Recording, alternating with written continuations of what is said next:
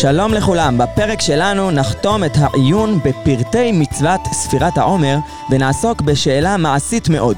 מה דינו של מי ששכח לספור יום אחד? והאם מצוות ספירת העומר מוגדרת כמצווה אחת רצופה? ידועים הדברים שמביאים בעלי התוספות במסכת מנחות בשם רב יהודאי גאון בספרו הלכות גדולות.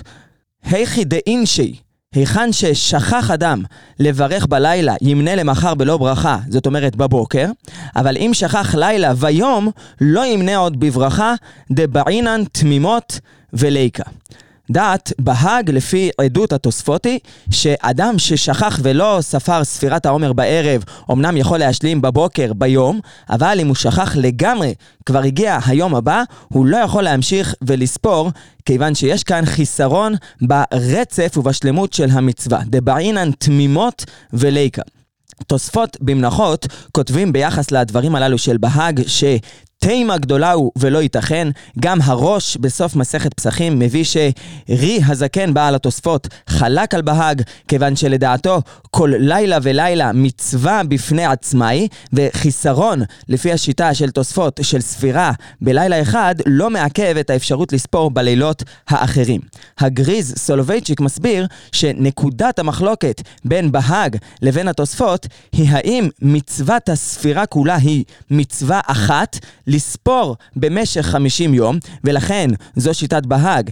אם שכח יום אחד, אין אפשרות להמשיך ולספור, כי המצווה כבר לא תתקיים, הוא כבר לא יקיים את המצווה הכוללת של ספירה במשך 50 יום, והחולקים סוברים, כפי שהסברנו, שכל יום ויום מהווה מצווה בפני עצמה, ולכן חיסרון של יום אחד לא גורם לביטול המצווה ביום האחר.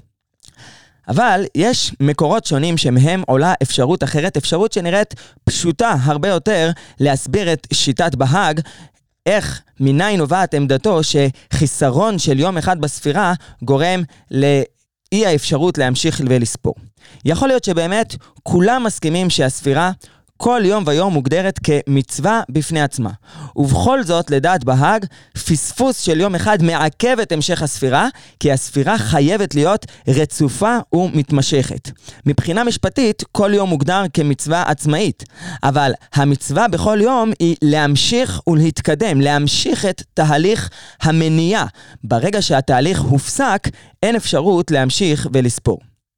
אם נסביר כך, נוכל להציע שנקודת המחלוקת בין הראשונים בשאלה המעשית, האם חיסרון של יום אחד מעכב את המשך הספירה, השאלה הזו יכולה להתקשר לשתי התפיסות שכבר העלינו במספר הקשרים בפרקים הקודמים בנוגע לעניינה של הספירה. השיטה המחמירה, שיטת בהאג, השיטה הזו סוברת שיסודה של המצווה הוא בתהליך רצוף של חשבון וספירה. אבל השיטה השנייה סוברת שהמצווה היא בכל יום ויום בפני עצמו להשתייך, שהאדם ישייך את עצמו למרחב הזמן של תקופת העומר. להיות באיזושהי מודעות לכך שנקודת הזמן שבה אני נמצא כעת היא בתוך תקופת העומר.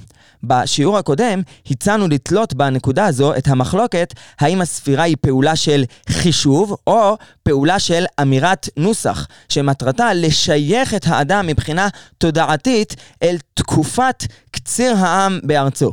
ולפי ההבנה הזו מובן מאוד שגם אם יום אחד האדם לא ספר, הוא ביום הזה לא הכניס את עצמו למודעות הזו, הוא מחויב להמשיך ולספור בברכה גם לאחר מכן, כיוון שהמצווה היא ליצור את נקודת השייכות הזו בכל יום ויום במשך תקופת העומר.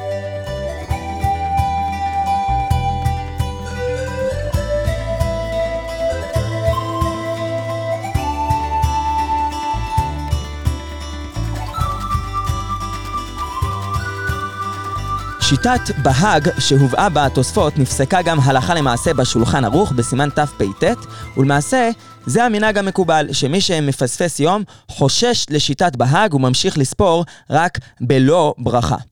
אבל להבנה לפיה גם לדעת בהאג הספירה בכל יום ויום מהווה מצווה בפני עצמה, אלא שלפי שיטתו לא ניתן לקיים את המצווה בלי הרצף וההמשכיות, להבנה הזו יש גם, גם השלכות הלכתיות. ראשית, שיטה שמובאת בפוסקים, אבל לא נפסקה בשולחן ערוך, היא שיטת הריץ גיאת. היא מובאת גם בביאור הלכה בסימן תפ"ט. לפי השיטה הזו, מי ששכח לספור יום אחד, יכול להמשיך ולספור גם בימים הבאים, בתנאי שביום הבא ישלים את הספירה של אתמול. ובעצם, ביום הבא הוא יספור שתי ספירות. אתמול היה כך וכך, היום כך וכך. נראה שלשיטתו, העובדה שאדם לא קיים את המצווה אתמול, לא מעכבת אותו מלקיים את המצווה היום, כי באמת, כמו שהסברנו, כל יום הוא מצווה בפני עצמה. אבל אין אפשרות לספור היום 20 יום לעומר אם האדם לא ספר 19 יום. לשיטתו, יש משמעות להשלים היום את המניין של אתמול, כנראה משום שעל ידי כך הספירה של היום נחשבת לספירה שממשיכה את הרצף. אילולי שהאדם ישלים, הספירה תהיה ספירה קטועה, ואפשר גם היום להשלים את מה שהחסרתי אתמול, ועל ידי כך ליצור את הרצף. השלכה נוספת להבנה הזו בשיטת בהאג נוגעת לשאלה המפורסמת של קטן שהגדיל במהלך, במהלך ימי הספירה. זה דיון שהאחרונים דנו בו בהרחבה, גם ביחס לספירת העומר, גם ביחס לדינים נוספים בתורה, בהלכה. יש שטענו שקטן שהגדיל במהלך ימי הספירה לא יכול להמשיך ולספור בברכה מרגע שנעשה גדול. למה?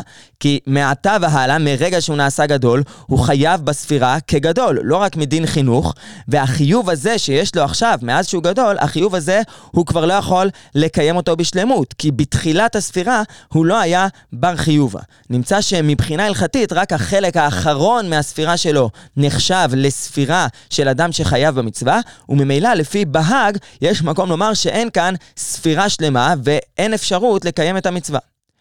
יש מקום לפקפק בחשש הזה משתי סיבות. תחילה, לא ברור שמעשיו של הקטן בחלק הראשון של הספירה באמת לא נחשבים לספירת מצווה. גם אם הקטן הוא לא בר חיובה, הוא לא חייב, זה לא אומר בהכרח שהספירה שלו לא נחשבת למעשה מצווה, וייתכן שגם אם נבין שמצוות ספירת העומר לפי בהאג היא מצווה אחת רצופה במשך 50 יום, עדיין יש מקום לומר שהקטן הזה שהגדיל במהלך ימי הספירה, יכול להמשיך ולספור בברכה. אולם, וזה העיקר מבחינתנו, אם נבין שגם לפי בהאג, כל יום מהווה מצווה בפני עצמו, והחיסרון של יום אחד מתוך ימי הספירה מעכב רק מפני שיש תנאי של מעשה ספירה רצוף ומתמשך, אז עוד יותר פשוט לומר שקטן שהגדיל יכול להמשיך ולספור. כיוון שגם אם מעשיו כשהיה קטן לא נחשבים למעשה מצווה במובן ההלכתי, הם יכולים להיחשב למעשה ספירה. הרי סוף סוף במציאות, בכל תקופת העומר, הקטן הזה עושה מעשה רצוף של ספירה שאין בה שום חיסרון, וממילא אין שום בעיה שימשיך ולספור, ויספור גם כשהגדיל. השלכה נוספת להבנת שיטת בהאג העלו האחרונים ביחס לאדם שיודע שבאמצע ימי הספירה הוא לא יוכל להמשיך ולספור, בגלל אונס כלשהו. נגיד, יש לו באמצע ימי הספירה איזשהו עניין רפואי שיגרום לו בוודאות להפסיק את הספירה. לכאורה, לפי בהאג, אדם כזה גם לא יכול להתחיל ולספור בברכה.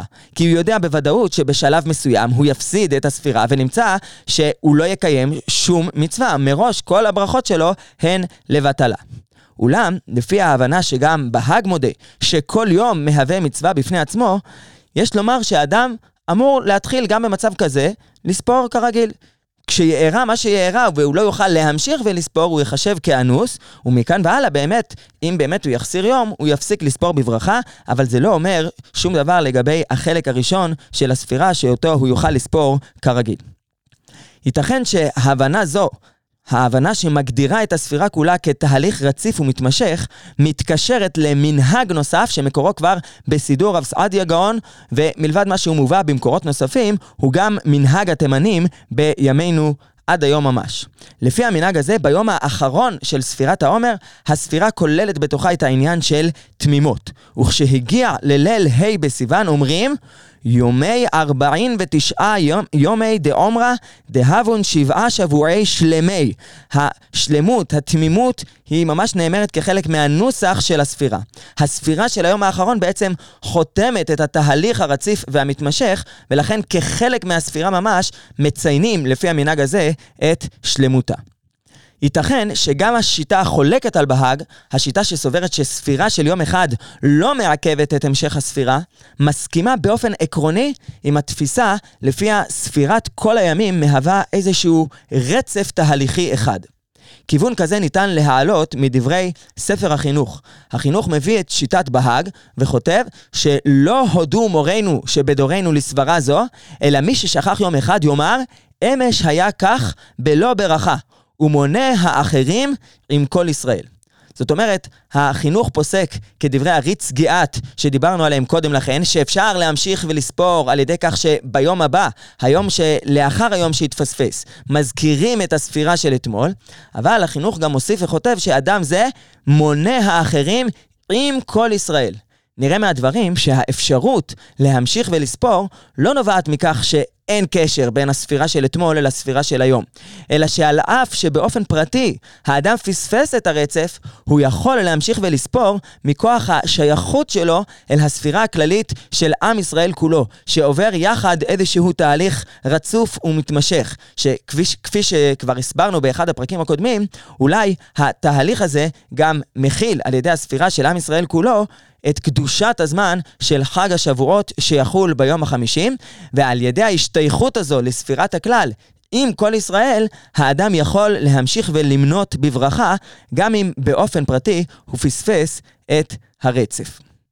לסיום, נציין לדבר שלא רבים יודעים אותו, שקשור לאופן שבו הובאו דברי בהאג בחלק מבעלי התוספות וגם בשולחן ערוך. כמו שראינו, לפי הדברים שמובאים במקורות שציינו דברי בהאג, שמביאים מדברי בהאג, חיסרון של כל יום מימות הספירה, לא משנה איזה יום, גורם לכך שאין אפשרות להמשיך ולספור בברכה בהמשך התקופה. אבל כמה ראשונים שמביאים את דברי בהאג, מביאים אותו בנוסח קצת שונה, וזה גם הנוסח שמופיע לפנינו בספר הלכות גדולות. היכא דלא מנע עומר לילה כמה לא מני בשאר לילותא דבעינן שבע שבתות תמימות ולילות. מהדברים הללו נראה שהעיכוב הוא דווקא בלילה הראשון, לילה כמה. יכול להיות שלשיטה הזו בלילה הראשון גם לא מועילה השלמת הספירה ביום, בבוקר, כיוון שיש צורך בשבע שבתות תמימות, תקופה רצופה שמתחילה בלילה. יכול להיות אם כן שגם לפי שיטת בהאג עצמו, אין הכרח שהספירה במשך כל שבעת השבועות תהיה רצופה. ההכרח הוא שהספירה תתחיל בזמן, הספירה תתחום את כל מסגרת הזמן של תקופת העומר, מתחילתה ועד סופה. בעקבות כך שהנוסח הזה מתועד בידינו היום במספר מקורות, ובצירוף העובדה שרוב הראשונים המצויים בידינו כיום לא חששו לשיטת בהאג בנוסח בו הדברים שלו הובאו אצל חלק מבעלי התוספות, כפי שהם הובאו גם בשולחן ערוך. בעקבות זאת העלו כמה רבנים בדורנו את ההשערה שאם הנתונים הללו היו עומדים לפני מרן השולחן ערוך, הוא לא היה חושש לעמדת בהאג המוצגת כפי שהיא מוצגת בבעלי התוספות, וממילא ייתכן שהלכה למעשה למעשה ניתן להכריע כיום שמי שפספס ספירה במהלך תקופת העומר, ספירה שהיא לא הספירה של היום הראשון, יכול להמשיך ולספור בברכה. הפרק הבא בסדרה יוקדש לענייני היום החמישים, יום הסיום של תהליך ספירת העומר, שבמוקדו עומד קורבן שתי הלחם. להתראות לכולם.